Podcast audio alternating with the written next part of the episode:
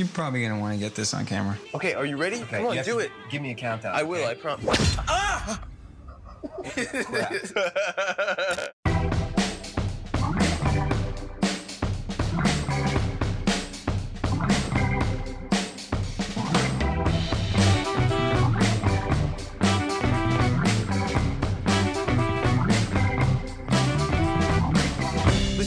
can't screw around with this. It's too dangerous. It's not a game. Patryku, gdybym cię zapytał, albo ktoś ciebie zapytał dwa lata temu, powiedzmy, czy trzy, jak myślisz, ile odcinków naszego podcastu uda nam się nagrać, to czy liczba 144 zrobiłaby na tobie wrażenie? Czy za mało? Myślę, że tak, że zrobiłaby na mnie wrażenie. Aczkolwiek nigdy nie miałem jakiejś tam liczby, że wiesz, że, że może być moment, kiedy z jakiegoś powodu przestaniemy. Myślałem o tym, żeby coś zmienić, ewentualnie jak nie będzie szło, Hmm. ale jakby te liczby na przykład, które podają, tak, że nie wiem, po siedmiu odcinkach czy po pięciu, jak komuś nie idzie, to przestaje nagrywać, to myślę, że to nie był faktor u mnie akurat. nie wiem, jak u ciebie to było. A niektórym po 140 nie idzie i jeszcze nie przestali. No i długo nie przestaniemy. Dokładnie, ja to nawet powiem ci szczerze, jestem trochę zły na siebie, bo wiesz, no wiele razy było, że naprawdę marzyłem o tym, żeby mi się chciało skończyć to, bo czasami było tak ciężko z terminami i tak dalej, ale nigdy de facto taka myśl nie przyszła. No tak, kochani, z tej strony Darek z Iowa, a z Hagi po drugiej stronie mówi do was Patryk. Goedemorgen, goedenavond, cześć, witajcie. No, no to tyle umiem po roku w Holandii. Chociaż w Islandii po półtora roku chyba mniej umiałem jeszcze. Chociaż miałem lekcję języka. No, to znaczy, że lata lecą, a, a liberalne podejście do zadania domowego ma się w najlepsze. I tak, kochani, dzisiejszy 49. pełny odcinek. Odcinek wyjątkowy, jeśli chodzi o film, który dziś mamy dla was, bo perełka to oczywiście jest słowo nie tyle subiektywne, bo oczywiście mamy tutaj na myśli perełki według naszego widzi nam się, natomiast też jeśli chodzi już o to, co my wybieramy dla was, to, to też z różnych przyczyn te niektóre filmy lądują. Czasami po prostu są to filmy spokojnie nadające się na 15 na 15, jak nie wyżej, jeśli chodzi o naszą ocenę. Ale czasami są filmy, które są bardzo wyjątkowe i też niekoniecznie, tak mi się wydaje, Patryku, w przypadku dzisiejszego odcinka, których nie da się ocenić, a przynajmniej liczba, którą im wystawimy, nie do końca, czy to wysoka, czy niska, odda specyfikę, klimat dzisiejszego i wyjątkowość dzisiejszego obrazu. To znaczy, wiesz, no ocena oceną. Nie wiem, czy w ocenie się umuje jakieś klimaty. Ocena to jest liczba, matematyka, tak? Nie ma tutaj, wiesz, odcieni liczby, czy, czy ciepła, czy zimna. Mhm. Ja myślę, że, no bo tutaj przełamaliśmy taką zasadę, że w pewnych odcinkach nie mówimy o filmach, które mają na Filmwebie więcej niż 30 tysięcy ocen. Niektóre już przekroczyły, ale to jednak po y, naszej premierze odcinka ten ma 41, ale z kolei ten ma ocenę, z którą się mocno nie zgadzamy chyba, tak mi się wydaje, 6,4. Mm. Zresztą nawet po ocenach krytyków na tymże portalu widać, że Tak, tak. oni też mają jakieś ale do tej oceny, więc y, tutaj jest to chyba ten faktor, który przeważał za tym, żeby o nim powiedzieć. Chociaż muszę się wtrącić, że Roger Ebert dał 3,5 na 4. Tak, ale na przykład już na IMDB tu widzę, że to był wielki hicior, bo 237 tysięcy to już jest spora liczba widzów, którzy ocenili ten film, Mhm. ale tutaj chyba też zgodziliśmy się przed nagraniem na to, że tutaj bardziej przeważyła wyjątkowość w podejściu do tematu, mocna oryginalność, Mhm. tak jak w przypadku na przykład takiego filmu jak Wiktoria, nagranego na jednym ujęciu, ale tamten w ogóle był świetnym filmem poza tym. I właśnie tak zastanawiam się, czy nie będziemy się tutaj troszeczkę spierać, bo Mm. jakkolwiek ty zaproponowałeś ten film i, i sam mówiłeś, że byłeś na premierze w kinie, czyli dość dawno temu, to chyba od dawna tak nie było, że u mnie z czasem ta ocena rosła, a u ciebie tak mówisz, że trochę problematycznie z tym było. Zresztą zaraz podejdziemy chyba też do tematu oceny filmu przez twoją rodzinę, ale ja na przykład coraz bardziej cenię ten film sobie i okej, widzę y, jakieś ujmy, ale tak jak mówię, ta oryginalność w podejściu do tematu, Mhm. sprawność scenariusza, zresztą zaraz będziemy o tym mówić, to jakby to wszystko wpłynęło na to, że, że dzisiaj o nim mówimy. Nie jest to film na pewno Na pewno nie 15 na 15, ale no wysoko. Tak jest. e, A, a jeszcze tak, bo za chwilę będziemy e, na housekeepingu, a Hmm. chciałem tylko powiedzieć a propos tego zatrzymania się na którymś odcinku podcastu, czy w ogóle nagrywaniu, że miałem kiedyś takie coś, nie wiem, tak jakbym miał supermoc i sobie pomyślałem, a co by było, jakbym się obudził i nie chciało mi się oglądać filmu. Uuu. To jest koszmar z Patrykiem w roli głównej. Nie wiem, czy, czy ktoś miał kiedyś taką przypadłość, ale serio to mi przeszło przez głowę, a, a co, jak się obudzę jutro i nie będzie mi się chciał oglądać filmów, to tym bardziej będę się męczył przy tym podcaście jeszcze bardziej niż w pracy, której y, nie lubię, ale to, Hmm. to jest jedna rzecz, którą mam wspólną z Andrea Gazim. On całe życie nie lubił grać w tenisa, a ja nie lubię swojej pracy, ale tak to pewnie do końca będzie już. Chyba, że kiedyś to, co robimy dla zabawy, Mhm. zmieni się w pracy, chociaż jak wiemy, to że w końcu to zaczyna też być troszeczkę chwilami męczące. Dlatego też te przerwy, które mamy świąteczne i wakacyjne są taką lekką ulgą jednak od tego. Tak jest. No, zagadnienia a propos właśnie pójścia do pracy w podcaście to jest z jednej strony bardzo miła perspektywa, tak, bo możesz zarabiać robiąc to, co kochasz, ale w przypadku, kiedy nie zarabia się na tym pieniędzy, to jednak nie ma tych obowiązków, nie? Które mimo wszystko przychodzą z pieniążkiem. Tak czy siak, y, a propos filmu dzisiejszego, zaraz y, przejdziemy sobie do housekeepingu i mamy jeszcze jedną erratę, addendum do załączenia a propos serialu Raised by Wolves, czyli serialu z poprzedniego naszego odcinka po polsku, to jest wychowane przez wilki. Zanim do tego przejdziemy, to tylko powiem, że moim zdaniem dzięki temu, że robię podcast, to zmieniłem się w sposób, jaki mi się na pewno nie zmienił, gdybym tego nie robił. I będąc na tym filmie w 2012 roku, tu w Stanach, a teraz, no rzeczywiście widzę ogromną różnicę w postrzeganiu tego filmu. I fakt, tak jak powiedziałeś, mam kilka ale do niego, do kilku jego elementów, ale to też wydaje mi się dlatego, że nie to, że film jest gorszy. No, masz nawet, ale, ale nie to, że film jest gorszy, tylko po prostu, że to jeszcze dojdziemy do tego. Dla mnie to było przeżycie w ogóle, będąc y, na nim w kinie.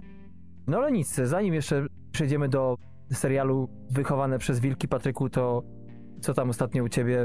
Bo ty teraz do pracy jeszcze poszedłeś, a to przepraszam, to już w ogóle jest Saigon, tak? Na nowo. To dlatego mówisz o przejściu, zarabianiu na podcaście, tak?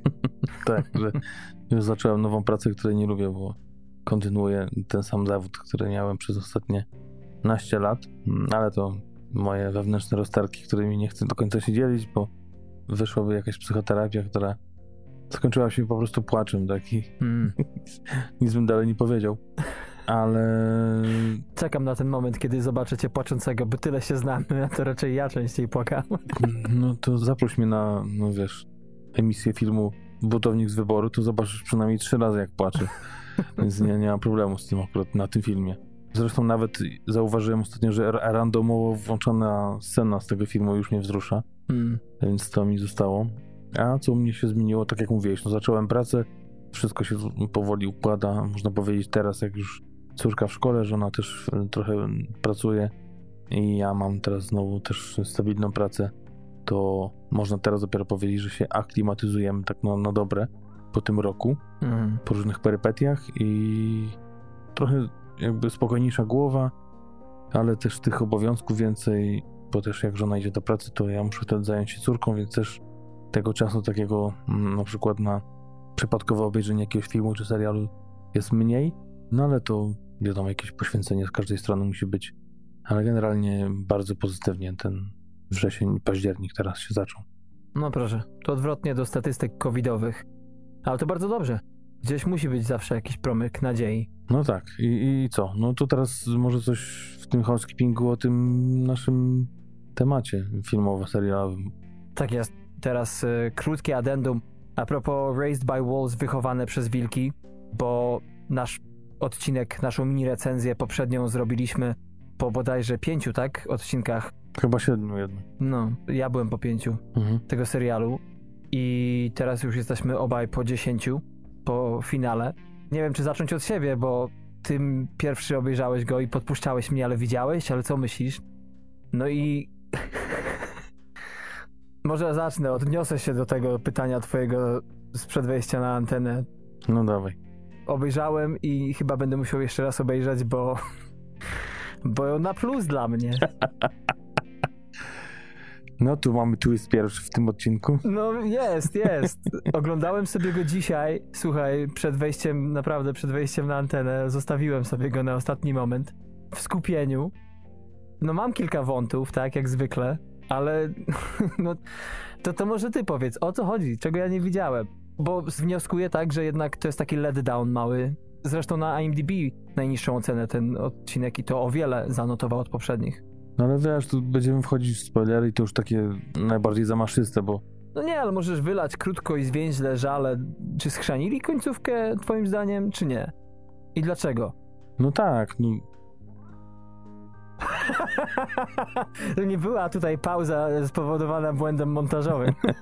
nie widzę tutaj pola do popisu mojego oratorskiego bezspoilerowego niestety, więc wszystko co jest, to się wiąże z tym, co było i co się na końcu pojawiło i to będzie taki spoiler, że, że bez sensu, ale po prostu cięższych się nie da, tak? tak, tym bardziej, że to nie jest film Charlie'ego Kaufmana. Tam wolno. Tak, więc te wszystkie przemiany y, bohaterów, to co się dzieje z naszą androidką, Mm. czy też y, z ludźmi, no, no wszystko to jest tak jakoś powykręcane i tak kilka rzeczy zatoczyło koło, tak jakby się zaczął znowu, No. miał się zacząć pierwszy sezon. Słuchaj, no, a wiesz jaki tytuł ma ostatni odcinek, nie?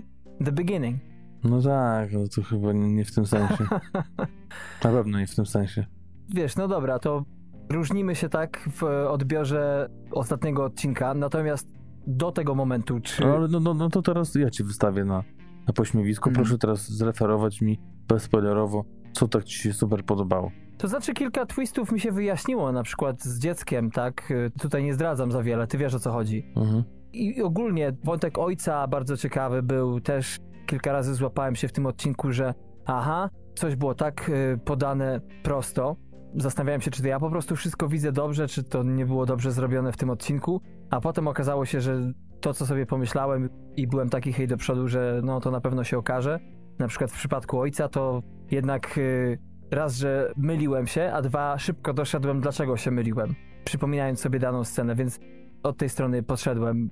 Dlatego o tym trzeba rozmawiać, bo na przykład od szóstego odcinka do dziewiątego byłem zawiedziony lekko tym serialem w porównaniu do pierwszych pięciu. Czyli od 6 do 9 są odcinki gorsze niż ostatni. Powiem ci szczerze, że nawet nie połączyłbym ostatniego odcinka z e, tymi czterema, w sensie to jakby osobny jest dla mnie odcinek.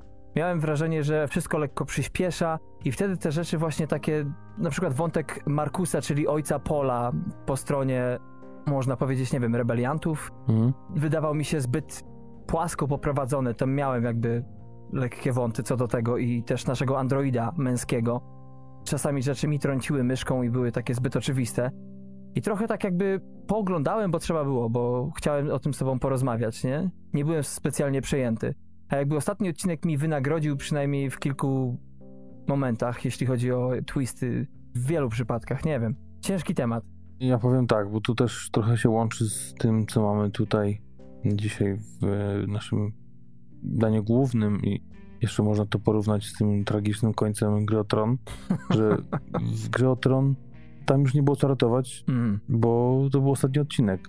Znaczy w ogóle cała ostatnia seria była słaba, ale tam powiedzmy nawet z moimi odczuciami widziałem, że się zgrywały oceny poszczególnych odcinków, że na początku była jakaś nadzieja na, na fajny koniec Mm. i skończyło się strasznie, a tutaj tą iskierką nadziei jest to, że będą kolejne sezony, więc da się to jakoś uratować i może coś wytłumaczyć, Mm. bo może to tak będzie, że wszystkim się odwróci, jak zobaczą tak naprawdę, jak zacznie się drugi sezon Mm. za rok, czy tam mm, kiedy go zrobią, nie wiem, bo HBO to czasami trzeba czekać i dwa lata na drugi sezon, nie wiem jak to jest w tym przypadku, więc to daje jakąś nadzieję i tą ocenę podwyższa, ale albo to było takie zaskoczenie w tak dziwną stronę, to wszystko poszło, że Mm. nie ogarniam tak, a nie wiedziałem, że to będzie, wiesz, twist, bo to prawie jak z Kaufmana, takie nieoczywiste i zaskakujące było wszystko. Ja miałem, powiem ci szczerze, takie, a propos tego ostatniego odcinka, takie wrażenie, że wydawało mi się, że wszystko się kończy, że ten odcinek, no rozwiąże się tak, jakby nie było właśnie drugiego sezonu, nie? A potem jakby na koniec strasznie docisnęli pedał do podłogi twórcy i otworzyli nam czwórkę do drugiego sezonu. Już wiadomo, że oczywiście on powstanie, to wiemy, ale, ale w pewien sposób powiem ci szczerze, że tak znowu wytrąciło mnie to troszeczkę z takiego, wiesz, bycia wtopionym w ten serial. bo zdawałem sobie sprawę, aha, teraz oczywiście dajemy wskazówki, nie? Rozbudowujemy pewne rzeczy, ale zrobili to z drugiej strony w taki dosyć, no nie wiem, właśnie niespodziewany sposób. Twist nie tylko jeśli chodzi o plot, ale także o to filmowe rzemiosło, w jaki sposób to wszystko poprowadzili. Powiem ci szczerze, że moja ocena nie wzrosła tego serialu na pewno, ale właśnie końcówka, tak chyba tu się zgodzimy, wynagrodziła Mhm. to taką lekką, równie pochyłą w drugiej części. To tak samo jak z dzisiejszym właśnie nie dokończyłem tej myśli filmem, czyli Kronika, kiedy wiemy już teraz, że Mhm. 8 lat minęło od tego filmu i nie powstała druga część, też zapowiadał to i reżyser, i scenarzysta, który zresztą mówił, że ma pomysły na dwa filmy, ale ten film jest taki, że i chce się tego sequela i nie chce się.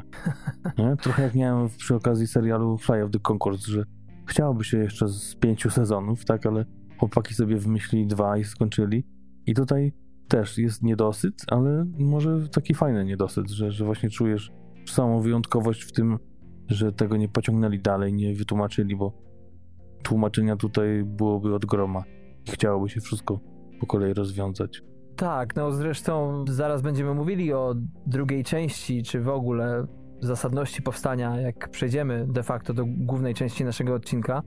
Ale to się wiąże z tą wyjątkowością naszego wyboru dzisiaj, że jest papka, jest młódzka, tak? I pojawiają się rzeczy, które raz, że wystają od ogółu swoim rozwiązaniem. Jest to taki klasyczny przykład underdoga, bo przecież postać reżysera też jest dość osobliwa, ale to był koleś, który był bardzo młody, przecież jak z tym filmem uderzył do producentów i coś takiego odstawił, co zmusiło i ciebie i mnie. No, ja byłem w ogóle za, bardzo zdziwiony pozytywnie tym, że taki film ci przeszedł przez gardło, bo napisałeś mi bodajże po jego seansie, że to nie jest twój typ filmu, a czujesz, że rośnie ta ocena właśnie u ciebie, jak sobie myślisz nawet o tym, co widziałeś. To tylko chyba potwierdza, że, że są takie produkcje, które nie są w. No chociaż ten film był, w, prawda, w sporym obiegu, on był sporo grany w kinach, bo ponad półtora roku chyba łącznie od, do ostatniego seansu. Nie no, to nawet nie chodzi o to, że sporo w obiegu, tylko to był wielki sukces kasowy. Tak, tak, tak. Kropka, no. A może przejdziemy w ogóle do tego filmu, bo widzę, że tak tańczymy wokół niego już. No, no bo z 12 milionów zarobił, z tego co kojarzę, chyba 120, Mhm, tak. więc chyba w weekend podwoił swój budżet, jeśli chodzi o zarobki, także no, to był wielki hit, no na pewno w Stanach. Tak. No w ogóle w, tak rozkłada się akurat zarobek tego filmu, że w Stanach zarobił ciutkę ponad 51% całej kasy, a 49% niecałe w, na całym świecie, w sensie poza Stanami Zjednoczonymi i, i też 40 te tysięcy ponad głosów na Filmwebie, o których powiedziałeś na samym początku. To też świadczy o tym, że ten film był zauważony poniekąd, natomiast może się odniosę do tego, co moja teściowa powiedziała o nim, bo O, wróciłem do seansu na telewizorze 4K, a ja nienawidzę na takich telewizorach oglądać niczego ze względu na częstotliwość odświeżania. Ale nie tylko wszedł mi film, świetnie się bawiłem, no to jeszcze całą rodzinę przed nim zebrałem i po jego seansie nastała cisza, światła się zapaliły. Jak patrzę na teściową, ona taką skwaszoną miną na mnie patrzy i, i pytam się głupio, no i jak? A Ona, no to, to, to nie są Avengersi. ale to mówisz, że to teściowa taka fanka? Oj, straszna, tak. Ona, ona zresztą jest taką wielką Tak? fanką, że jak Myślałem, kiedyś... że kobiety w tym wieku to nie jest target dla tego typu kina. No niby nie, tak? A ona, wiesz, jak byliśmy na Gwiezdnych Wojnach przedostatnich y, w kinie tutaj, na, jak byłem na święta bożonarodzeniowe, to tłumaczyła mi na żywo, było live commentary, nie? E, o co chodzi z Hanem Solo. No jeszcze wie, ale jeszcze wiesz, z Gwiezdnych Wojen to jeszcze można się trzymać z tych lat 70., jak było się małą dziewczynką i trzymać się tego do dziś, to ja rozumiem, ale Avengersów nie było w latach 70. Wiesz, niby tak, ale z drugiej strony ta jej energia, kiedy ona mówi mi o tych Gwiezdnych Wojnach, bo ja rozumiem, że można być fanem przez te kilka dekad wytrzymać, wytrwać na posterunku, ale popełniłem ten błąd, że zacząłem komentować fatalne dialogi, fatalne kwestie Hanna Solo. Uuu, dobrze, że już po ślubie. Nie, nie, ona się nie obraziła, tylko ona do mnie w trakcie filmu. No tak, tak, ale wiesz, to jest takie odniesienie do tych wcześniejszych filmów, dlatego to jest takie campi. E, no właśnie, ale tak, taka była e, zresztą podzielona opinia w, u mnie w domu. żona z teściową były na nie raczej. I potem w dyskusji wyszło dlaczego i generalnie nie, nie to, że wyszło na moje, ale wydaje mi się, że to może wyjdzie za chwilę, Patryku, ale ta ich ocena tego filmu, właśnie dokładnie cytat teściowej, porównywanie do Avengersów i na kanwie tego ocenianie nisko tego filmu po prostu no ma się nijak do jego wyjątkowości. No, powiem ci, że i śmiesznie, nawet nie będę komentował, ale, ale no sympatycznie. Sympatyczny żart z tego, anegdota z tego wyszła, ale powiem ci, że oglądając jakąś, a propos, porównując do tych Avengersów, do Gwiezdnych Wojen i tej obecnej papki dla mas, mm. to oglądając jakąś recenzję z roku właśnie 2012, w którym to właśnie ten film pojawił się w kinach, panowie mówili o tym, że jest to taka trochę odtrutka na te właśnie filmy o superbohaterach, których przecież od roku 2000, kiedy weszli, nie wiem, pierwsi Avengersi czy, mm. czy X-Meni, to przecież tych filmów powstaje jeden rocznie. Mówi, a to już 10 lat się ciągnie. To jakby tych panów posadzić przed tymi mikrofonami w roku 2020, to by się nie doliczyli, ile rocznie takich filmów powstaje. W tym 2010 y, zaskoczenie było, że to już jest aż jeden rocznie. Oczywiście, że tak. Poza tym oprócz takich właśnie mainstreamowych produkcji blockbusterowych, jeśli chodzi o filmy o superbohaterach, to mamy przecież jeszcze The Suicide Squad, masz Ptaki Nocy, filmy z Margot Robbie między innymi. To też są właśnie nisze superbohaterskie, więc tych filmów wychodzi trochę, nie? Mhm. A w 2012 roku, bo właśnie mówimy o, o filmie sprzed 8 lat, pojawia się Josh Trank, pojawia się Max Landis, też w ogóle poniekąd to pewnie wyjdzie za chwilę bardzo dobrana para dwójki twórców, którzy taki film piszą i reżyserują za, jak powiedziałeś, 12 milionów dolarów.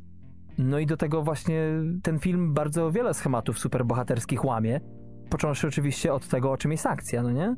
Wiesz, już warto zacząć od tego, że Trank mówi o tym, że znają się no, trochę pobieżnie, ale jednak już z czasów liceum i potem jakoś zahaczył właśnie Landisa w momencie, kiedy miał pomysł na ten film, ale te 12 milionów dolarów, to szczerze powiedziawszy, widziałem trailer, więc wiedziałem, że coś tam się będzie działo, jeśli chodzi o CGI, ale no, bez tego CGI, jakby tych efektów nie było, no to by to było takie Manchester by the Sea, więc y, myślę, że... To dlatego sci-fi drama. tak, więc myślę, że 90% to było chyba CGI. Na pewnie dużo wyższym poziomie niż normalnie w filmach sci-fi, czy bardziej, żeby dojść do tego poziomu. Hmm. W innych filmach wydaje się dużo więcej, o, ale jednak widać tu, że gros tych pieniędzy poszło właśnie na te efekty. Tym bardziej, że tacy aktorzy jak Michael B. Jordan, czy Dane Dehan, czy mniej, o wiele mniej znany Alex Russell, główna obsada tego filmu, no to w 2012 roku nie były jeszcze takie nazwiska. Zresztą do dziś to oczywiście są bardzo znani aktorzy i Michael B. Jordan zwłaszcza wydaje mi się, że jest takim no wybijającym się tu nazwiskiem, no bo przecież dwie części Creed'a, ostatnio też postać złoczyńcy z Czarnej Pantery. Dehan też gra fajne role, ale to jest zupełnie inny typ aktora, zupełnie inne postaci. Mu są przypisywane, ale wiesz, trochę mi to przypomina to, co mówiliśmy sobie przed wejściem na antenę. Opowiadałem ci o detektywie Monku Stony Szalubę. Jak to właśnie struktura tego serialu i sukces przede wszystkim polega na tym, że tam przede wszystkim jest dramat. To znaczy, jak odejmiemy sobie te tajemnice, której też nie ma jak schrzanić w tym serialu, bo tam detektyw Monk w pewnym momencie po prostu zapodaje dwie czy trzy tyrady i rozwikła nam to wszystko. Ale właśnie gdyby nie to, to też mamy tam fajną warstwę dramatyczną i dzisiejszy film jest zupełnie taki, bo chyba na tym polega też jego wielki sukces, przynajmniej w moich oczach, na tym, że odejmując te wszystkie CGI, to tu naprawdę jest ciekawa historia, tak zwane to origin stories, nie? Yy, nie wiem, czy da się Origin Story oddzielić od filmu CGI, bo Origin Story tu mówimy tutaj o historii powstania czy to złoczyńcy, super złoczyńcy, mm. czy super bohatera. No tak. A bez tego, bez CGI raczej to nie byłoby opcji. Bardziej tu jest tak zwany coming of age, czyli film o dojrzewaniu, mm. o problemach, tak, o, o trójcy przyjaciół, no kolegów, bo to przyjaciele to, to za dużo powiedzieć, mm. ale trzech osobach, które się gdzieś tam w jakiś sposób łączą i coś ich potem łączy jeszcze bardziej, ale z zupełnie innych sfer komfortu psychicznego, jeśli chodzi o nastolatka. Hmm. Mamy trzy takie szczeble i każdy jest właśnie od samego dołu do tego najbardziej charyzmatycznego przewodniczącego, czy bardziej kandydata na przewodniczącego, głównego faworyta. Mhm. Więc yy, no, to też, tak? A jeszcze mamy do tego tak zwany found footage film, czyli film kręcony jako paradokument, jakby kręcony kamerą, czy kamerami, które gdzieś tam, czy to takie mm, e, kamery przemysłowe, czy właśnie kręcone przez naszych bohaterów, Mhm. potem telefonami też i jakby złożone w jeden film, tak? No dokładnie. Mamy, jak wspomniałeś, Patryku, Andrew. W tej roli właśnie Dane Dehan, który jest, można powiedzieć, takim klasycznym underdogiem. Jeżeli tu jest jakiekolwiek origin story, to właśnie koncentruje się na jego postaci. Mamy tu najwięcej jakby szczegółów z jego życia. Tak, mieszka w domu z tatą, który jest byłym firefighterem, czyli strażakiem. Mamy mamę, która tutaj ma problemy zdrowotne, za wiele nie zdradzając. I to właśnie ta postać Andrew pewnego razu stwierdza, że a od dzisiaj wszystko udokumentuje na kamerze. Trochę mi się kojarzyła ta postać z chłopakiem z kamerą z American Beauty, nie wiem czy tobie też, który też wszystko kręcił. Tak, tak, tak. Też widziałem tu wiele zbieżności. No i tym bardziej właśnie, że charakterologicznie bardzo fajnie podpadają też, nie? Też taka ciemniejsza trochę postać, świetnie tutaj odegrana przez Dihana. No i właśnie, pewnego dnia bohaterowie, jak to nawet powiedzieć, odkrywają coś, co daje im po prostu dodatkowe moce. No chyba. Tak trzeba powiedzieć, że przez przypadek zupełnie odnajdują coś, co już w trailerze widać, że jest jakaś dziura, wejście, dziura w ziemi, Mhm. otwór, nie wiem, jaskinia, do której nasi bohaterowie schodzą razem z kamerą i wychodzą już zupełnie odmienieni. Tak jest. No i zazwyczaj jest tak, że superbohaterowie, czy ludzie, którzy się nimi stają, otrzymują jakiś kostium. To się nazywa, jeśli chodzi o strukturę filmów superbohaterskich, codpiece, co jest po prostu dosłownie częścią tego ekwipunku czy kostiumu, która zakrywa krocze głównemu bohaterowi. Suspensorium, takie tłumaczenie znalazłem w słowniku internetowym. I tutaj nie ma czegoś takiego. Zresztą to widzimy w trailerze. Ci nastolatkowie nadal pozostają nastolatkami, którzy nie są zupełnie takimi zwykłymi, chociaż tak naprawdę kto o tym wie. No, no i to jest właśnie cała to antybohaterskość tej historii i, i wyjątkowość, że mamy grupę nastolatków, którzy nagle posiadają jakieś tajemne mocy. Tutaj można chyba, jakby to nie jest zbyt duży spoiler, że, żeby powiedzieć po prostu, że posiadają zdolność telekinezy, Mhm. czyli poruszania przedmiotów siłą własnego umysłu, którą rozwijają, jak to w pewnym momencie mówią, że to jest taki mięsień, który się trenuje i właśnie z dnia na dzień, czy nawet z godziny na godzinę ta moc ich rośnie, czym bardziej ćwiczona. Co ciekawe, ten bardziej, chociaż może to naturalne, naj, najwięcej trenuje ten taki, który no, raczej na co dzień za dużo nie trenuje, po prostu najbardziej chudy, najbardziej zagubiony, który odkrywa w sobie zdolności do właśnie takiej, można powiedzieć, finezyjnej zabawy, można powiedzieć w cudzysłowie tym darem, Mhm. które otrzymali, czy tą zdolnością. I no właśnie, to jest to, co mówił w wywiadzie reżyser, że, że wydawałoby się, może na przykład takiej twojej teściowej, pozdrawiam, panią Helenkę, czy Oczywiście, pozdrawiamy mamusię. j- jak ma na imię? Karen. Panią Karoli- Karolinkę? Może być. I tak nie słucha. No właśnie, y, że no, jak jest się nastolatkiem, zakładając, że tak można wyobrazić taką sytuację i kiedy dostajesz taką moc, to raczej pierwszym odruchem nie jest ratowanie świata, tylko właśnie to, co robią ci chłopacy, czyli coś pobroić, tak, coś pokombinować, pośmiać się, żarty sobie porobić, tak zwane pranki i no i tak to właśnie wygląda u nich. Dokładnie. Trochę mi to przypomina serial The Boys. Oczywiście to nie jest dobre porównanie, bo The Boys jest zupełnie innym produktem, ale mimo wszystko taka przede wszystkim natura underdoga. To też troszeczkę łączy się z y, serialem The Tick Amazonu. Tam też główny bohater zostaje, można powiedzieć, bohaterem troszeczkę nie ze swojej winy. I to nie dość, że się świetnie łączy dla mnie z tym, kim są nasze postaci, bo tak jak powiedzieliśmy, Andrew to właśnie ten bardziej taki rachityczny, bardziej zamknięty w sobie członek tutaj grupy naszych przyjaciół, który zmaga się z ogromnymi problemami też w domu właśnie. I on jakby tutaj posiada coś, co staje się, można powiedzieć, no tym największym smaczkiem pierwszej części, pierwszej godziny tego filmu, tak? Bo widzimy tutaj bardzo wiele rzeczy, które zajmują jemu czas, z których się on po prostu po czasie wycwania w ten czy inny sposób. Natomiast postać na przykład Michaela B. Jordana to było bardzo ciekawe. Tutaj gra młodzieńca, który stara się wejść do polityki, jak on to mówi. I jako nastolatek stara się być e, czymś, co się nazywa President of the Class, czyli można powiedzieć przewodniczącym całego roku. I on charakterologicznie pasowałby właśnie do takiego troszeczkę, jak to wcześniej określiłem, hej do przodu gościa, który można powiedzieć, że jemu pewnie los dałby przynajmniej taką chęć ulepszenia swoich zdolności, żeby zaimponować innym, bo widać, że to jest taki rasowy właśnie, gdzie by tutaj się nie zareklamować troszeczkę, chociaż bardzo miły chłopak.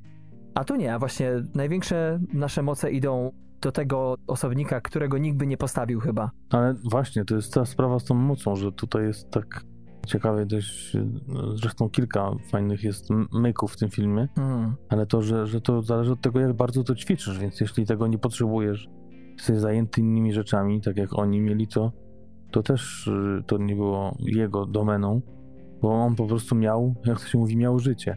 A ten zamknięty w czterech ścianach, czy gdzieś sam ze sobą, bo przecież też warto wspomnieć, że oni się w jakiś sposób spiknęli przez to, że Andrew to jest kuzyn Mata, którego gra Alex Russell i tylko dlatego się z nim przyjaźni, czy tam koleguje.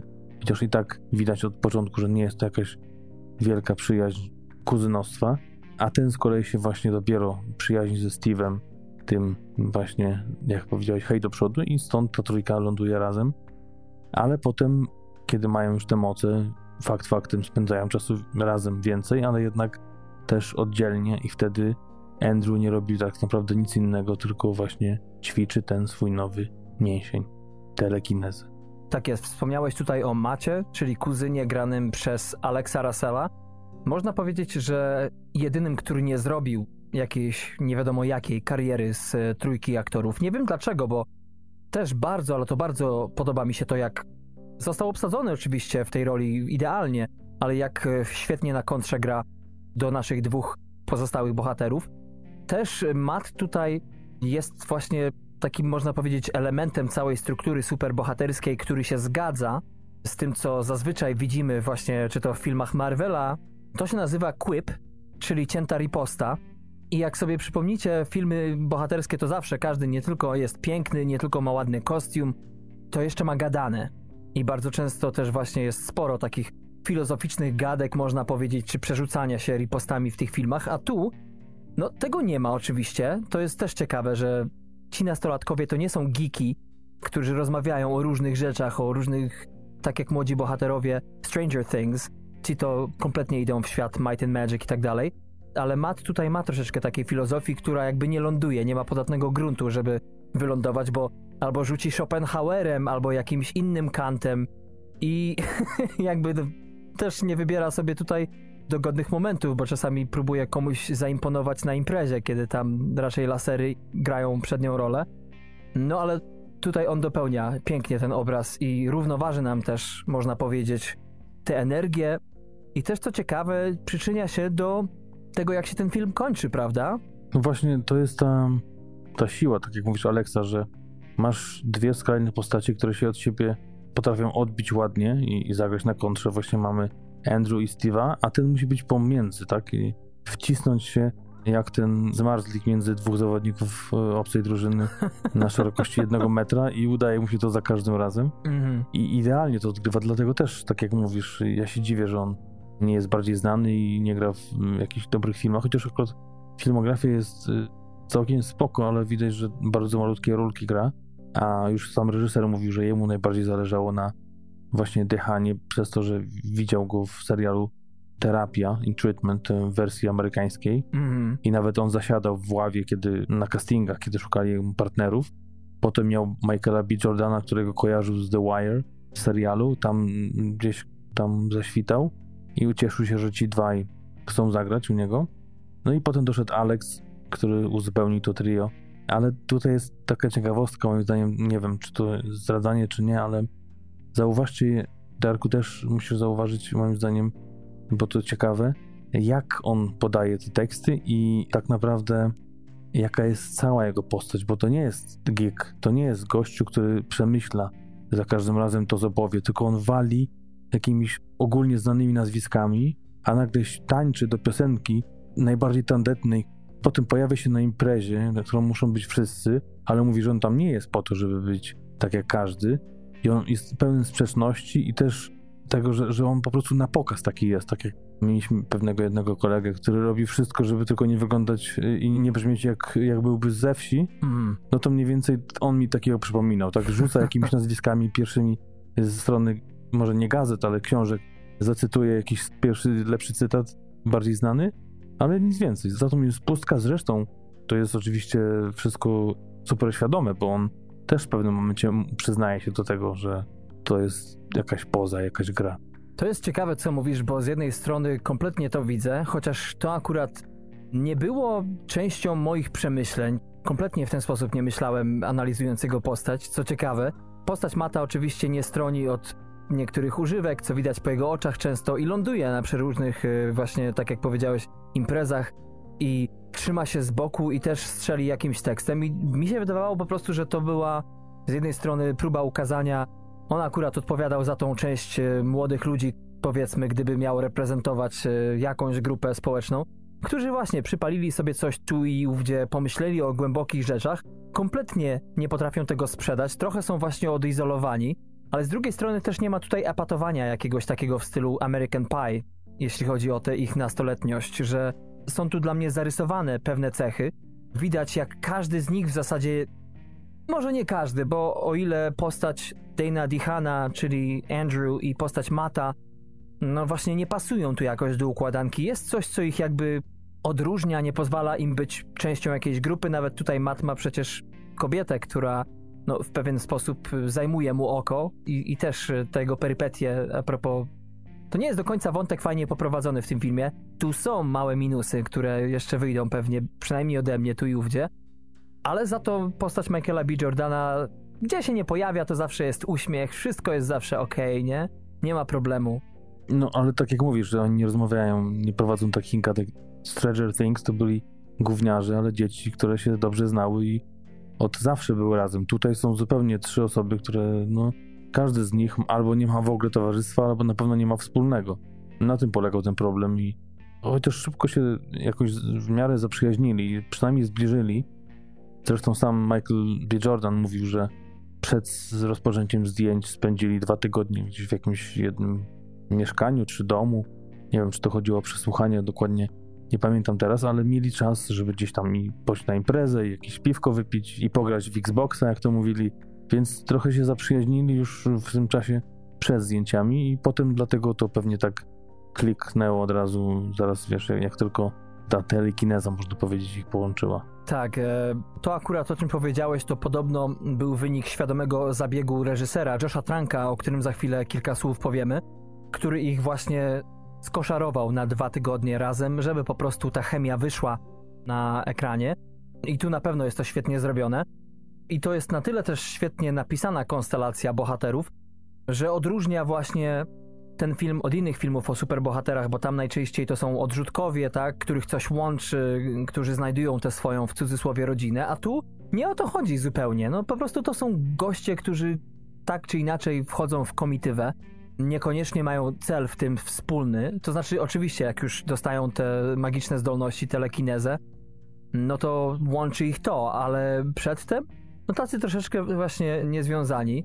Ktoś powiedział o tym filmie, bardziej o Joshu Tranku, że kiedy ten film wyszedł, czyli w 2012 roku, że Josh Trank jest na najlepszej trajektorii do tego, by w przyszłości rządzić w blockbusterowym kinie superbohaterskim, chociaż wydaje się, iż już pobił wszelkie studia w ich własnej grze, w tym gatunku.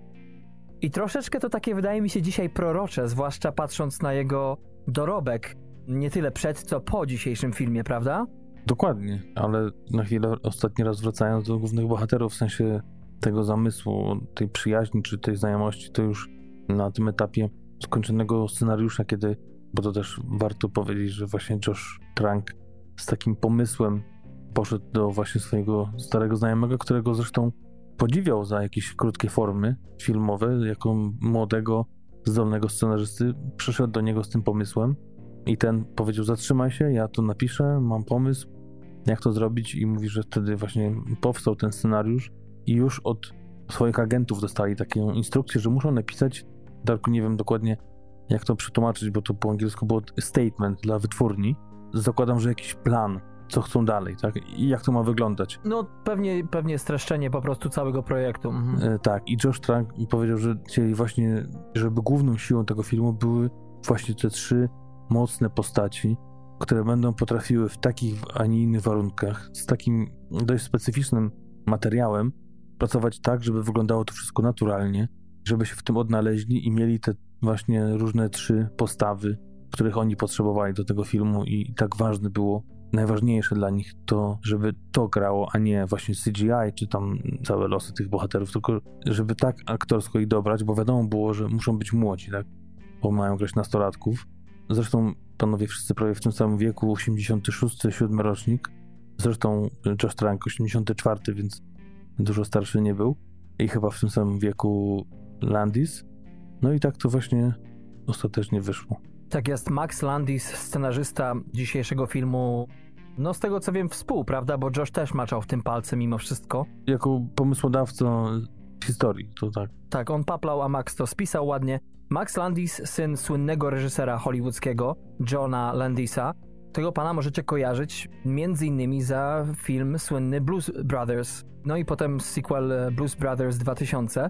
Jak to powiedział o Maxie Landisie, wspominając jego ojca, Roger Ebert, że oczywiście nazwisko tak y, pomaga i tak dalej, ale nie pisze scenariuszy jednak. Jedynie zobowiązuje. I rzeczywiście to chyba najlepszy był testament, jeśli chodzi o sprawność napisania całej historii. Wydaje mi się, że największą zaletą tego filmu, jeśli chodzi właśnie o sposób konstrukcji, jest jakby jej big picture, czyli to, jak ona się zmienia, bo problemy mam czasami z dialogami. Jest kilka momentów takiej lekkiej sztampy dla mnie, tak jak powiedziałem ci przed wejściem na antenę.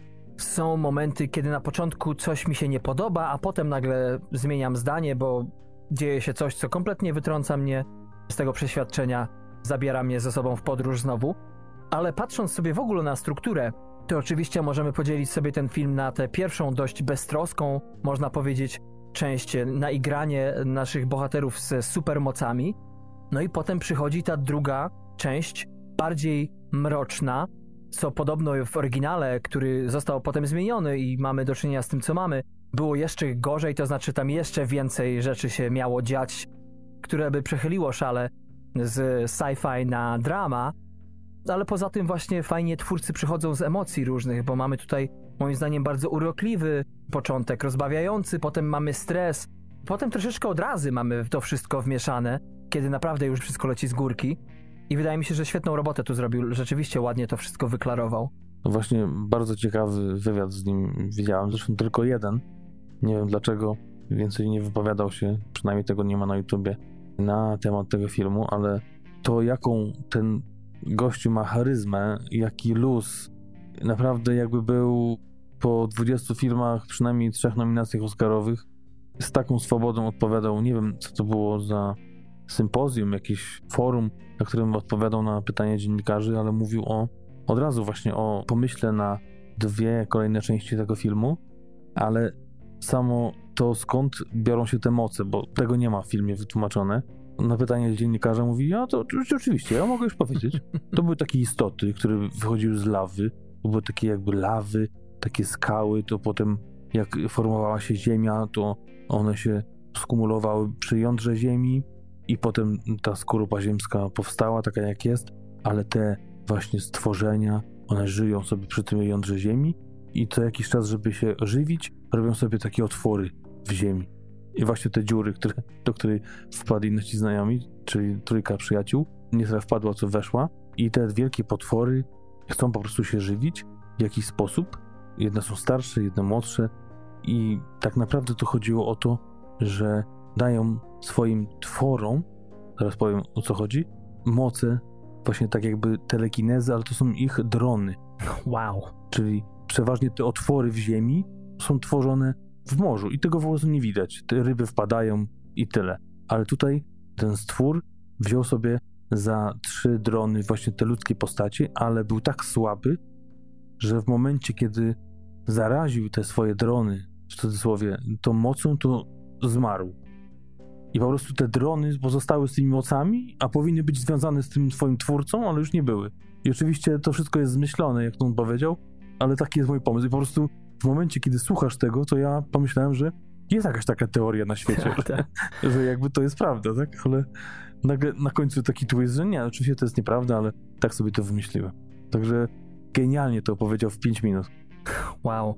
Powiem ci szczerze, że tak. Po pierwsze, jak zacząłeś o tym mówić, to musiałem się uszczypnąć, bo musiałem sprawdzić, czy my mówimy o tym filmie, czy mówimy o wychowane przez wilki. Nie, mo- nie mogłem się pokumać, ale teraz tak sobie myślę, bo tam nie kopałem w tych rejonach i nie widziałem tego wywiadu, co ty, że mając teraz te wersje, te wizje jego, co tak naprawdę się dzieje, to hmm, nie wiem, czy czuć ulgę, że jednak ten film nie powstał i mamy do czynienia z takim, no, nieskomplikowanym wątkiem z niesamowitym CGI, czy też po prostu ten film jak najszybciej powinien się ukazać, bo nie wyobrażam sobie, jak ktoś po seansie takiego filmu nie zresetuje się kompletnie. Bo to jest po prostu chyba magnum opus, magnum opus. Tak, no w ogóle Max Landis to jest dość ciekawy twórca, bo tak jak patrzysz na jego filmografię, to no dość słabe, tak ostatnio chyba najbardziej znany z jego filmów to Bright na Netflixie z Willem Smithem w roli głównej. Tak jest niesamowicie oceniony. Tak, który chyba właśnie kulał w tej warstwie niestety scenariuszowej i nie tylko. Ale potem mamy serial, dość udany, ja próbowałem, ale jakoś tak mnie nie chwyciło, czyli holistyczna agencja detektywistyczna Dirka Gentlego z Danielem Radcliffe'em i tutaj już dość wysokie oceny. Poza tym Pan Idealny na przykład, dość ciekawą obsadą, bo tam przecież Sam Rockwell, Anna Kendrick, Tak, tak. ale no jakby tyle, tak? Już nie mówiąc o samym tranku, bo tutaj to może teraz jest chwila, żeby się, nie wiem, popastwić na... Jeśli chodzi o to, co, kogo komu szkoda, to mi szkoda właśnie tranka. No tak, to jest, wiesz, to co ci powiedziałem a propos tej proroczej poniekąd opinii właśnie na temat tego dzisiejszego filmu w 2012 roku, że on już przebił jakby wielkie wytwórnie, jeśli chodzi o robienie filmów, które naprawdę są niecodzienne, a nie papką. No wydaje mi się, że to było chyba jego dzieło życia do tej pory, bo ten pan już na naszej antenie, co prawda bardziej wideoblogowej, ale też oczywiście umieściliśmy audio z tego odcinka na naszym podcaście, zagościł w odcinku z Capone, opowiadającym o słynnym gangsterze chicagowskim w roli głównej oczywiście Tom Hardy, gdzie Josh Trank nie tylko był reżyserem, ale także i napisał ten biograficzny kryminał. Samodzielnie zresztą. Tak, tak. No i można powiedzieć, że po tym, no co, pan Trank jeszcze był, popełnił fantastyczną czwórkę, średni na jeża film. Pewnie są tacy, którzy są w nim zakochani. Max Landis też, jak powiedziałeś, tak naprawdę, no ten Bright to przecież jest dramat. Ja widziałem połowę i no i nie, nie, nie zebrałem się w sobie, żeby dokończyć tego filmu. A tak naprawdę po tej kronice napisał co? Z sześć, pięć filmów, tak? I ten serial i, i chłopaki, a mieli 26 lat, jak ten film dzisiejszy powstał. Coś wycisnęło z nich te moce, tak jak z naszych bohaterów w tym filmie. Te magiczne moce też y, mocny mają wpływ na ich życie. Czy jak już teraz powiedziałeś, te potwory, tak? Te kreatury, które tam tak naprawdę za to odpowiadają. Zobaczymy, jak to będzie z Igą Świątek po jej niedawnym sukcesie w wieku 19 lat na French Open. Pierwszy raz od y, 92 roku ktoś w tym wieku po Monice Selesz wygrał ten turniej, a już w ogóle żadna polska chyba tenisistka, a przynajmniej Najbliżej była Jaja, czyli Jadwiga, już nie pamiętam jej nazwiska, ale w 30 chyba bodajże 9 doszła do finału i przegrała. tak, a a nasza przecież wielka tenisistka, jaką była Agnieszka Radwańska, mm, skończyła karierę dwa lata temu. Ona doszła do finału Wimbledonu, a tutaj nikt nawet nie otarła się o finał. Więc zobaczymy, czy jej nie odbije, bo może to właśnie to. y, Chociaż szczerze powiedziawszy, to większość tych wywiadów, które widziałem, to były przed premierami e, kinowymi, już po jakichś festiwalach, ale przed premierami w kinie, więc tego zachwytu i tego blichtru, w którym potem może już, y, wiesz, zostali obrzuceni, oblani, obsypani i tak dalej, i tą kasą zasypani. Jeszcze tego może nie było, ale naprawdę, no dość skromny ten Josh Trank. Nie wydawał się taki jak na przykład Fukunaga, którego ostatnio przerabialiśmy, Tak, tak. który niestety y, strasznie zglazowanym człowiekiem był już przy swoim debiucie. Nie mogłem przejść kilku jego wywiadów. Strasznie. Z... A to dramat dla ciebie, bo raz, że film nam nie podpadł jego, Tak, bodajże chyba jeden z najnowszych, prawda? tak, tak. A dwa, że jednak no ty z nas dwóch lubisz się pławić w tych materiałach wideo, jak gość jest, jak to mówią, larger than life, nie? No właśnie, wyobraź sobie. A tym bardziej, że no właśnie przez tą swoją zuchwałość i w ogóle to tych wywiadów do tego debiutu to zrobił chyba ze 40. I w każdym, w każdym jeszcze bardziej pyszny był. Więc nie wydawał się, no z, tak jak mówię, ten e, Max, czyli Landis, scenarzysta, swój człowiek, charyzmatyczny, fajnie to opowiadał tą historię, ale też jakby tej pychy nie było widać, więc nie wiem, co się stało, że tak obydwoje skończyli, a już w ogóle Trank, aha, bo to też ważne, nie wiem, czy też wyczytałeś to, ale on przez wiele, wiele miesięcy, czy nawet rok, był przypisany do przecież sequela Gwiezdnych Wojen. Tak, tak. On y, miał mieć ogromną karierę, miał już Venoma też robić, rozmawiał z, z Tomem Cruzem. Nagle w 2015 roku zrezygnowano z niego, do dzisiaj nie wiadomo o co chodziło, prawdopodobnie no, jest kilka wersji, że albo właśnie trudności, które ponoć sprawiał na planie Fantastycznej Czwórki, już tam Mm. te echo przeszło na plan i zaplecze filmu Star Wars i przez to się z nim pożegnano. Jakby ogłoszenie oficjalne Disneya było, że to sam Trunk odszedł. Prawda pewnie leży gdzieś po środku albo w ogóle jest jakaś inna. Pewnie tego nigdy się nie dowiemy, ale włożono mu karierę i miał wszystko No tak. do tego, żeby ją zrobić. I co się stało? No, No widzisz, miał być taki ładny amerykański, ale otworzył dziób pewnie dwa razy za dużo i zamiast, e, chociaż wiesz, zamiast Venoma to zrobił sobie, nie? Może bubel, ale nadal z hardem, tak? Mowa o Capone. Tak, a, a jeszcze taką ciekawą mm, informację wyłapałem z wywiadów z chłopakami z kolei, a dokładnie z Dane'em Dehanem, który powiedział, że no, chciałby kiedyś zagrać jakąś taką postać, takiego superbohatera. I on tak naprawdę nigdy nie czytał żadnych komiksów, więc trochę mnie zdziwiło skąd ten pomysł, żeby zagrać, bo powiedział, że to byłoby jakimś takim zwieńczeniem jego kariery i znakiem, że coś osiągnął, jak miał swoją figurkę. Że on chciałby być taką figurką superbohatera.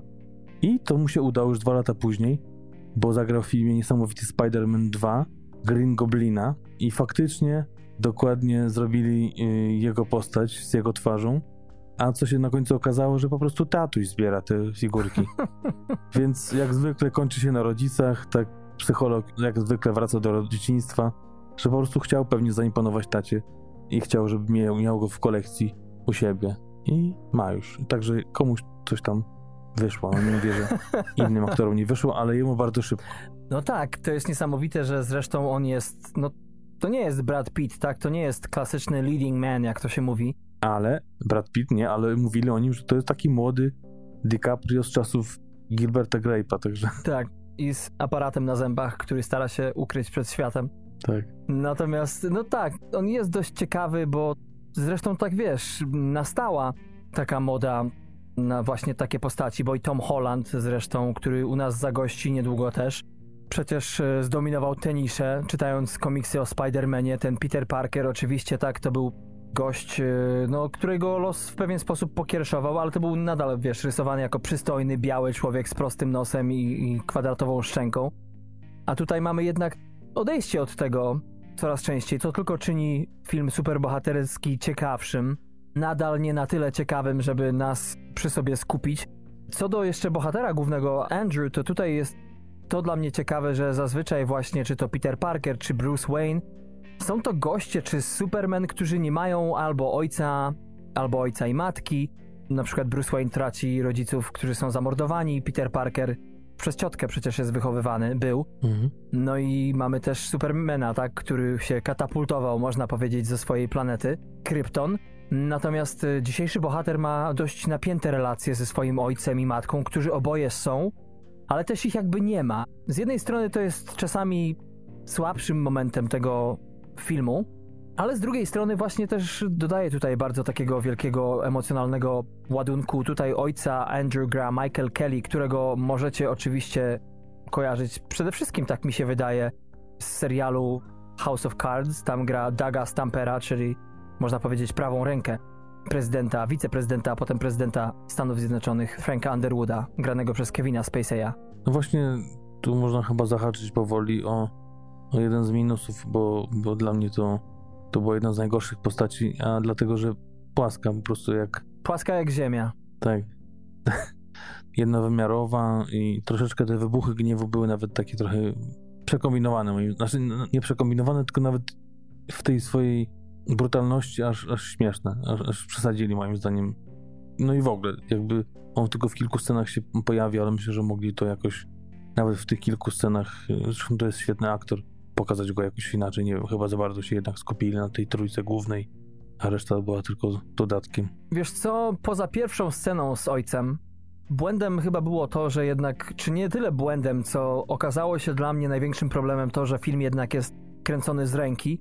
Co ciekawe, tak naprawdę był kręcony naprawdę dobrą kamerą i dobrymi obiektywami i w postprodukcji zrobili tak, żeby to wyglądało na VHS powiedzmy, ale jednak to właśnie wszystko powoduje, że jak mamy ojca w dalszych e, scenach w filmie, tam nie ma gdzie się rozpędzić, bo rzeczywiście, jeśli chodzi o Michaela Kelly'ego, to on naprawdę dysponuje tu bardzo fajnym wachlarzem emocjonalnym i gra prawdziwie, ale jak widzimy te jego ujęcia z, ze statycznej kamery, można powiedzieć, to on nie ma się od czego odbić po prostu. Dokładnie to, co mówisz. To jest płaskie, to jest y, jednowymiarowe Mhm. i też nie rozumiem jego wyborów, dlaczego się hamuje czasami, dlaczego rozpędza.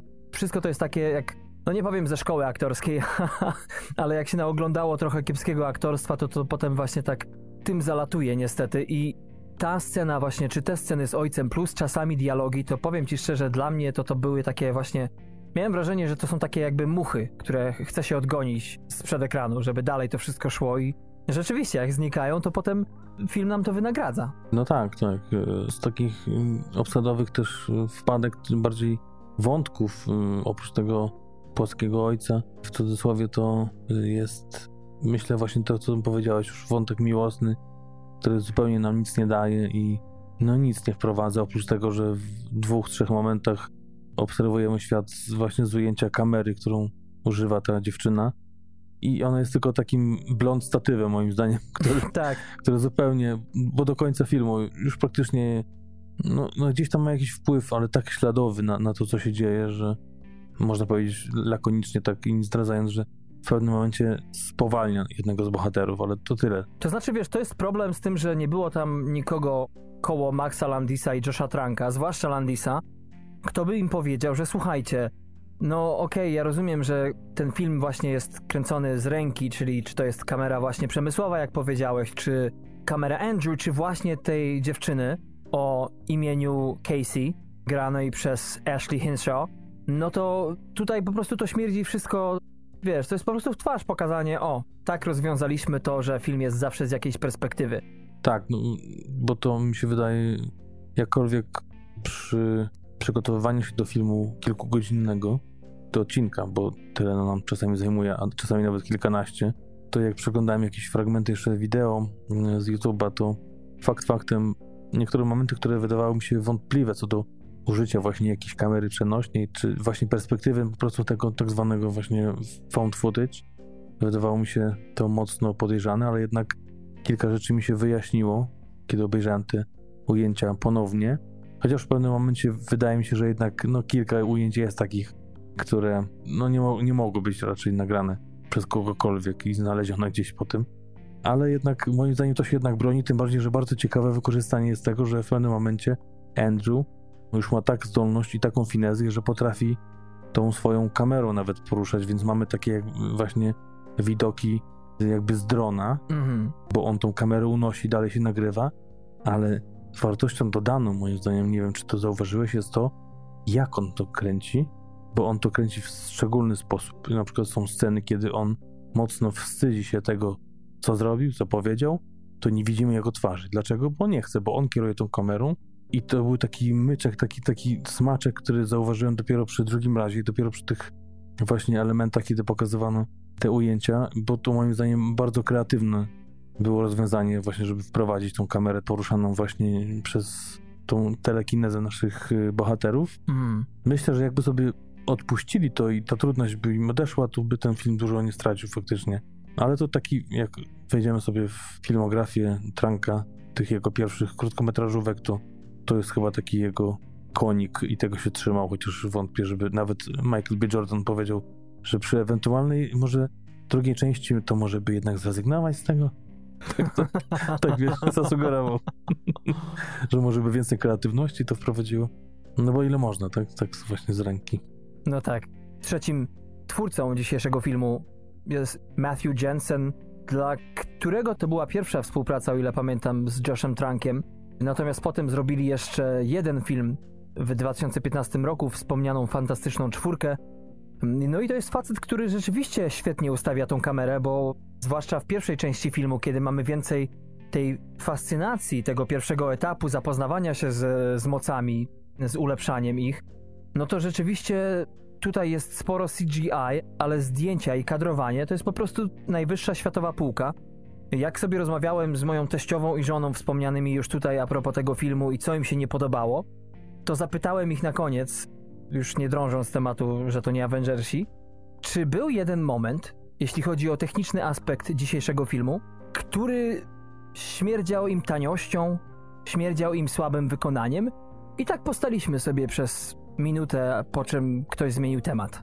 I to jest chyba najlepszy dowód na to, że Matthew Jensen, który potem zrobił no bardzo ulubiony przeze mnie film, którego niestety nie możemy ze względu na popularność zrobić w naszym podcaście, ale to był Brud z 2013 roku, Johna S. Barda. No i tam też jest bardzo wiele świetnych ujęć. On potrafi naprawdę dynamicznie kręcić, ale też właśnie ta perspektywa w tym filmie, to wszystko się zgadza, bo przecież to, co w trailerze jest, co nie będzie tu żadnym spoilerem, nasi bohaterowie postanawiają w pewnym momencie oderwać swoje trampki od asfaltu i wzbić się w powietrze. I to z jednej strony ma się wrażenie, że to rzeczywiście jest może kino indie w sensie takim, że tutaj nie masz strasznej wirtuozerii. To nie jest film o lataniu, ale pamiętam, byłem na tym filmie, to był pierwszy film, jaki zobaczyłem z moim rokiem aktorskim w Connecticut. To miałem straszne ciary, że w końcu zobaczyłem gości latających przez chmury i to tak świetnie wykonane było. Właśnie to jest też element świetny pokazania tego, tej normalności, takich odruchów nastolatków, co właśnie oni by zrobili w momencie, kiedy mieliby takie supermoce, nie ratowaliby świata, tylko polecieliby sobie nad chmurki, gdzie nikt nie widzi i pograliby w baseballa, tak, albo futbol amerykański, a nie, wiesz, ratowali jakieś tam, czy przenosili przez przejście jakieś staruszki, czy ratowali jakieś dzieci z opresji, więc to jest właśnie jeden z tych elementów, chociaż pierwsze sceny widać było, moim zdaniem, tam, gdzie ta linka jest podwieszona. Tak potem, jak już są w tych chmurach, to już tego nie widać, Zresztą właśnie te CGI, które jest, no ostatnia scena wymiata po prostu to, co tam się dzieje, na jakim to jest poziomie, jak rzeczy są rzucane na siebie, jakie przeratują nam przed oczami. Majstersztyk, naprawdę nie było się zupełnie do czego przyczepić. Pewnie gro z tego budżetu było właśnie w tą scenę wpompowane, ale no, robiło wrażenie i nie jeden film Avengersów pewnie z taką pompą się nie kończył. No właśnie, tu dochodzimy do czwartego elementu struktury filmów superbohaterskich po origin story, tak, po tym kostiumie, po ciętych ripostach. Mamy to, co się nazywa z angielskiego property damage, czyli zniszczenie mienia. W każdym filmie superbohaterskim jest tego sporo, sporo gruzu zostaje, sporo powyłamywanych prętów. Pamiętam teraz, gdzie znalazłem to jakaś strona, która wylicza, szacuje zniszczenia w każdym z filmów o superbohaterach ile tego potem trzeba odgruzowywać. Co ciekawe, tego filmu dzisiejszego tam nie ma, ale właśnie tak jak powiedziałeś, kto wie, czy to właśnie nie jest najsmaczniejsza część tego filmu creme de la creme i nawet gdyby naprawdę warstwa dramatyczna miała same minusy, to nawet dlatego warto zobaczyć ten film. Dobrze, że to nieprawda, bo, bo tak to byśmy tylko przewijali do tej ostatniej sceny i to tylko by chodziło na YouTubie jako zajawki, ale tam rzeczywiście sposób użycia kamery, inwencja, aż chce się jeszcze raz do tego powrócić. Tam e, oczywiście to nie jest głównym punktem wszystkiego, natomiast tam dla mnie przynajmniej też wyklarowało się, dlaczego to się stało tak, a nie inaczej, co do tego dopuściło. Były takie momenty w filmie, kiedy jeden z bohaterów na przykład jedzie gdzieś na miejsce jakiegoś zdarzenia i komentarz mojej teściowej był taki, że no ale to czemu on nie poleciał? No właśnie, to też nie jest tak, że nasi bohaterowie szafują tymi swoimi super zdolnościami. To nie jest oni nie są super bohaterami, można powiedzieć, dla ludzi, jak e, na przykład w serialu The Boys, gdzie mamy organizację, tak? To jest świadomy zabieg, marketingowy, rozrywkowy, cokolwiek. A tutaj chłopaki jednak nadal pozostają chłopakami spod bloku. No i dodatkowo to, że nie brakuje dramatu przecież, prawda? Bo jest na pewno przynajmniej jedna scena, która mocno mnie ścisnęła za serce. No, niewiele ścisnęło. Powiązano z CGI może jedna, ale no naprawdę, y, to wszystko robi razem niesamowite wrażenie i to właśnie sci-fi drama, to nawet opis tego gazunku trochę nie, nie pokazuje tego, czym ten film jest, tak samo jak moim zdaniem wywrotową komedią horroru, czy horrorem komediowym był Cabin in the Woods i to też nie da się przyrównać do innych, bo trzeba wejść w szczegóły, Tak, tak. fabułę, żeby zrozumieć jak wyjątkowy był to film. Mhm. Tak samo tutaj mamy to właśnie połączenie e, jeszcze na tak niesamowitym poziomie, a, a może to jednak e, oszczędności wiesz, pomogły w tym, czyli kręcenie wszystkiego w południowej Afryce, w Kapsztadzie po prostu i ponoć nawet sprowadzenie amerykańskich aut, które oczywiście musiały mieć po lewej stronie kierownicę, bo wiadomo, że w RPA jeździ się tak jak w Anglii. To nawet to e, nie wpłynęło na to, że, że tam było drożej. Tak jest. No i tak jeszcze na chwilę zatrzymując się przy tym CGI, to muszę powiedzieć, że teraz po 8 latach to naprawdę fajnie się ogląda. Takie właśnie CGI z 2012 roku. Też ten świat, gdzie tam jest brak tych wszędobylskich smartfonów, bo to jest takie nie retro, ale styl przejściowy, można powiedzieć. Mimo już tak jak powiedziałem, jednak e, strona techniczna tutaj naprawdę nie ustępuje niczemu. Tym bardziej za 12 milionów dolarów, nawet jeżeli w tym Kapsztadzie, w tym RPA kręcili wszystko, no i jakoś jeszcze te samochody udało im się po kosztach tam przetransportować, to mimo wszystko nie mogę się nadal nadziwić, że udało im się po prostu to zrobić, bo przypomina mi troszeczkę film e, Victoria, bo tam bodajże, o ile dobrze pamiętam, to trzykrotnie został ten film nakręcony, prawda, na jednym ujęciu, przez trzy kolejne dni. Wszystkie trzy się udały. Tylko, że coś tam jeszcze twórca widział nie tak i chciał jeszcze bardziej to poprawić i za trzecim razem wyszła perfekcja. No a wygląda na to, że w dzisiejszym filmie mieli ten raz, tylko te 12 baniek, jak na mleko prawie. I udało im się i rzeczywiście pieniądze wydaje się idealnie spożytkowane. Tym bardziej, że nie słychać było żadnych informacji, że dokładali tam pieniążki, bo co chwilę te zdjęcia się przeciągały, co chwilę coś tam jeszcze wchodziło w paradę. No właśnie, a jeszcze tak patrząc może bardziej w historię kina, jak w to zagłębiał się reżyser, myśląc o tym filmie, czym się inspirował, to przywołuje takie tytuły jak Furia, Briana De Palmy z 78 roku, czy też Carrie, oczywiście na podstawie Stephena Kinga, czy też animację Akira z 1988 roku, opartą oczywiście na komiksie, który powstał w latach 82-90.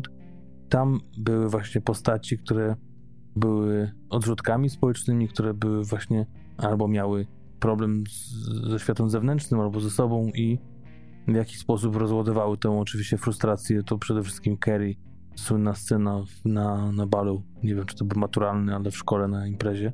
Pamiętam jaka krwawa była. Mhm. A oprócz tego też y, przywołać można film, który traktował o człowieku, który nagle miał, posiadł właśnie moc telekinezy, czyli film, o którym bardzo ciepło wypowiadał się Roger Ebert w 1981 roku. Był to film Modern Problems Mhm. z Chevy Chase'em w roli głównej. Strasznie zjechany przez krytykę, zresztą sam Ebert powiedział w wywiadzie slash recenzji, że to jest jeden z tych filmów, które zrobiono zanim przeczytano scenariusz. E, ale nawet on e, przy budżecie 8 milionów, co wiadomo, że na 81 rok nie było tak mało jak teraz, zarobił 26, także pewnie lecąc na tej wznoszącej Chevy Chase'a, Tak, tak. po prostu no, zarabiały wtedy wszystkie filmy z jego udziałem. No dokładnie. Tak więc jest to film, który z jednej strony może zawieść oczekiwania. W sensie takim, jeżeli chcecie się nastawić na coś, co będzie konkurowało z Avengersami, to nie ma tutaj opcji, bo to jest zupełnie inny typ kina, mimo wszystko. Natomiast jest to zdecydowanie film, który zdarza się raz na jakiś czas. Tak naprawdę wcześniej się nie zdarzył. Na dobrą sprawę w ten sposób. Do dziś pozostaje wyjątkowy. Zresztą chyba Roger Ebert, ale też bardzo wielu innych recenzentów wypowiadało się o nim, iż I to też chyba jest dowodem na to, dlaczego mimo całkiem dobrych ocen, jeśli chodzi o to, co mówi o tym właśnie w filmie krytyka, bo tam chyba 80 kilka procent jest pozytywów, ale ocena już właśnie taka około 7, bardzo taka chybotliwa siódemka, no to właśnie Roger Ebert powiedział, że to jest film, na którym naprawdę można się świetnie pobawić. To jest coś, co bardzo szybko, te 80 kilka minut, śmiga na ekranie, który nie jest pretensjonalny, a który naprawdę ogląda się troszeczkę jak Kung Fury. Nie wiem, czy Patryku widziałeś. Tak, zresztą z twojego polecenia, więc oczywiście. Film, który też, no nie wiem, nie jest to pełnometrażówka, z tego co słyszałem, miała powstać, bo to był film właśnie o kung fu, zrobiony właśnie na zasadzie crowdsourcingu. Zebrano pieniądze, o wiele więcej niż chciano na początku, więc wszystko wpakowano w e, CGI, w efekty specjalne i wyszedł świetny, żeby nie powiedzieć, no prawie fenomenalny jak za kasę film krótkometrażowy, właśnie Kung Fury. A tutaj właśnie w przypadku dzisiejszego filmu z jednej strony mamy do czynienia z twórcami, którym potem nie za bardzo się jeszcze do tej pory nie udało. Młode chłopaki, więc wszystko przed nimi, można powiedzieć. Jak też ten czy drugi utemperuje swój temperament i przestanie się odzywać, żeby tam słóweczko się nie rozniosło, a przecież w Hollywood to bardzo szybko złe czy dobre wieści podróżują z miejsca na miejsce. Cieszę się, że wybraliśmy ten film, bo miał być inny, też z Michaelem B. Jordanem, który mi strasznie odpadł w drugiej części, zwłaszcza chwytałem się za głowę, bo słyszałem wiele razy o tym filmie. Można zdradzić chyba już teraz e, nazwę, bo nie zrobimy go. To film Fruitvale z oryginału Fruitvale Station, dziejący się w Oakland w Kalifornii i Michael B. Jordan gra tam główną rolę, film oparty na faktach. No tam oczywiście też pokazuje sporo swojego talentu, świetnie odgrywa tę rolę mimo wszystko, natomiast tu w tym filmie no to jest różnica pięciu lat między tymi dwiema produkcjami i, i naprawdę szczeniaczek to może nie adekwatne słowo, ale ta jego energia tutaj, to jego rozbuchanie i porównuję sobie potem jakie kolejne filmy odgrywał, a zwłaszcza obie części Creed, to jest to talent, który powinien po prostu dostawać lepsze role i zrywać ze swoim amplua, bo ma naprawdę ku temu sposobność. Czy nie tyle sposobność jeszcze, co talent, predyspozycję. To myślę, że warto też, jak już powiedzieliśmy o tych filmach, które wykorzystywały ten, to zjawisko telekinezy, to też powiedzieć o tych, które są na rynku, które może warto polecić, jeśli chodzi o tych miłośników kina, którym właśnie podchodzą takie filmy z ręki, tak zwane phone footage. Takie filmy powstawały, już nawet y, dość y, słynny film Cannibal Holocaust y, z 1980 roku, który był reklamowany jako dokument, co się potem okazało nie był dokumentem, ale w ostatnich latach to oczywiście sztandarowy Blair Witch Project 1999, oczywiście Paranormal Activity to chyba dwa najbardziej znane, ten drugi z 2007 roku. Mój chyba ulubieniec, jeśli o to chodzi, to End of Watch z Jackiem Gyllenhaalem 2012, ale ostatnio też bardzo udany film oparty na przede wszystkim widoczności chyba w pełni z kamery laptopa, czyli Searching z 2018 roku, ale też na przykład Rec 2007, całkiem niezły, czy też Cloverfield 2008, to też film, do którego mocno krytyka próbowała porównywać właśnie kronikę, co chyba im nie wyszło. Tak, zresztą to jest ciekawe, bo wydaje mi się, że jednak kronika jest lepszym o wiele filmem od Cloverfield. To znaczy, bardzo podobała mi się pierwsza, zwłaszcza czy dwie trzecie nawet y, Cloverfield, kiedy to zdarzenie, które się dzieje, no i ludzie zaczynają po prostu walczyć o swoje życie w taki czy inny sposób. No i od jakiegoś momentu jednak, kiedy już coś tam okazało na końcu, nie zdradzając za wiele, no to to już mi tam opadło ciśnienie, a tu w tym dzisiejszym filmie właśnie było inaczej, właśnie bardziej do końca ta energia była dobrze rozplanowana, bo poza tymi właśnie okazjonalnymi muchami w formie fatalnego dialogu, czy właśnie tej roli ojca, zresztą ta rola ojca, tak mi się przypomina, że powiem ci szczerze, tych filmów zazwyczaj nie lubię, które mają statyczną kamerę właśnie, które mają za dużo tej statycznej kamery i właśnie nawet Capone, naszego reżysera, tam było sporo tego, aż za dużo. Były momenty, kiedy po prostu aż się prosiło jakieś lepsze ujęcie, żeby zakryć brak y, jakiegoś napięcia, dynamiki. A w tym dzisiejszym filmie tutaj nie ma takiego problemu. Tu w zasadzie nie ma czego przykrywać, po prostu mucha odleci i akcja pójdzie do przodu. Tak, a poza tym tak festiwalowo dość słabo był doceniany a propos takiego właśnie odkrywania perełeczki, bo to jakieś tam nagrody za Najlepszy trailer dostał w tym 2012 roku Saturn Awards za najlepszy science fiction to była nominacja rok później, ale tak to raczej średnio. Właśnie a propos tej nominacji, to przegrał oczywiście z Avengersami na 39. rozdaniu tych nagród. Ale co ciekawe, zadebiutował w Stanach w czasie Super Bowl w ten weekend i wyprzedził film Kobieta w czerni, który wtedy był wielkim hitem z Danielem Radcliffe'em. Chociaż tam też pogrzebałem trochę, że też bardzo podobne zarobki, bo 17 milionów budżet, a 128 zarobione, więc bardzo podobnie do tego, co, co nasz dzisiejszy bohater. Także no, stąd ten nasz wybór, bo jest to na pewno dzieło nietuzinkowe, które, tak jak mówi Darek, nie jest bezproblemowe. Nie ma tak, że są niezauważalne jakieś minusy, czy takie, które ciężko do, zauważyć, bo tak jak mówiliśmy o tej kamerze, która nie do końca jest uzasadniona, moim zdaniem ten wątek miłosny, niepotrzebny i też może te CGI, ale to raczej, to już nawet nie jest CGI, bo tak jak mówię, te wiszenie na tych linkach, kiedy zaczynali tą swoją przygodę z lataniem, to takie było właśnie dość widoczne, gdzie to się wszystko zaczepia. No i, i chyba tyle. A oprócz tego naprawdę świetna robota.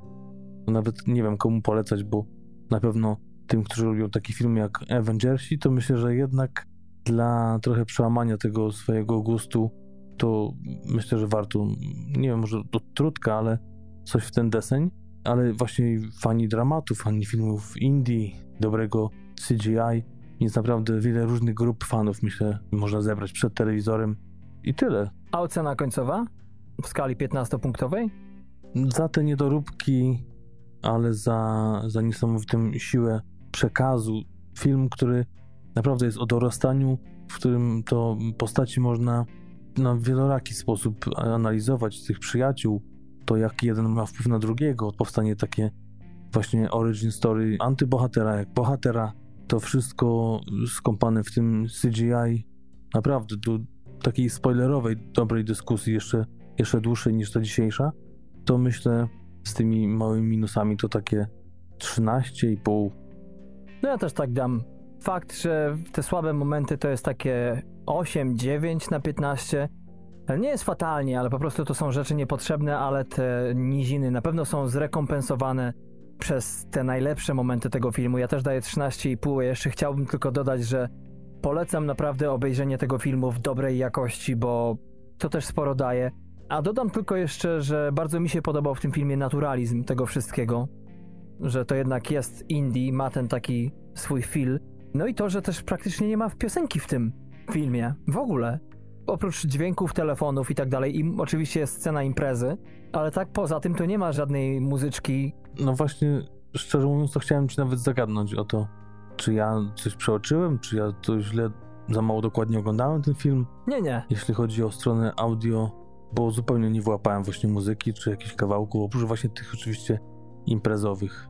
Gdyby muzyka była, to na pewno byś nawet w SMS-ie, ty zawsze piszesz a propos tego, że jest coś pod nóżkę, trochę pianinka też. Mhm. To jest taki konik twój, więc Mhm. Ja myślę, że warto dwa słowa powiedzieć o tym ewentualnym sequelu, że faktycznie, tak jak mówiliśmy o tym, że Landis miał pomysł na nawet dwa filmy, Fox nawet zatrudnił już Landisa do napisania sequela. Miał oczywiście wrócić Josh Trank, potem to było niepewne, potem się rozstali panowie i przestali nad tym pracować.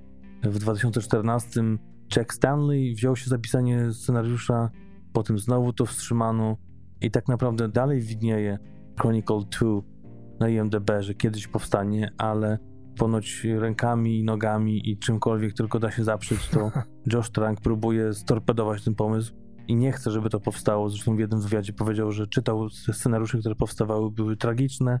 Bez niego to sobie w ogóle nie wyobraża i będzie po prostu jedno, tak jak powiedział na końcu, piece of shit, jak to wyjdzie. to fakt. e, Jemu samemu nie szło to najlepiej, bo tam wiem, że był jakiś twist, że w jednym momencie wytwórnia powiedziała, że scenariusz się nie nadaje, potem, że się jednak nadaje, ale potem właśnie zarówno Landis, jak i Josh Trank zniknęli z afisza a propos tego projektu.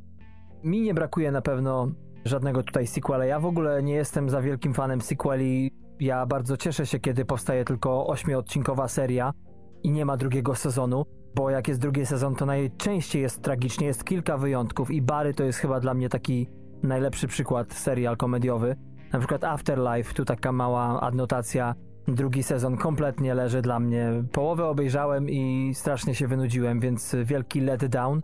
A w przypadku dzisiejszego filmu to ja się czuję spełniony jako fan, jako anty, no niekoniecznie antyfan kina marvelowskiego, ale jako ktoś, do kogo papka nie przemawia i należę do grupy osób, które lubią się miło zaskoczyć.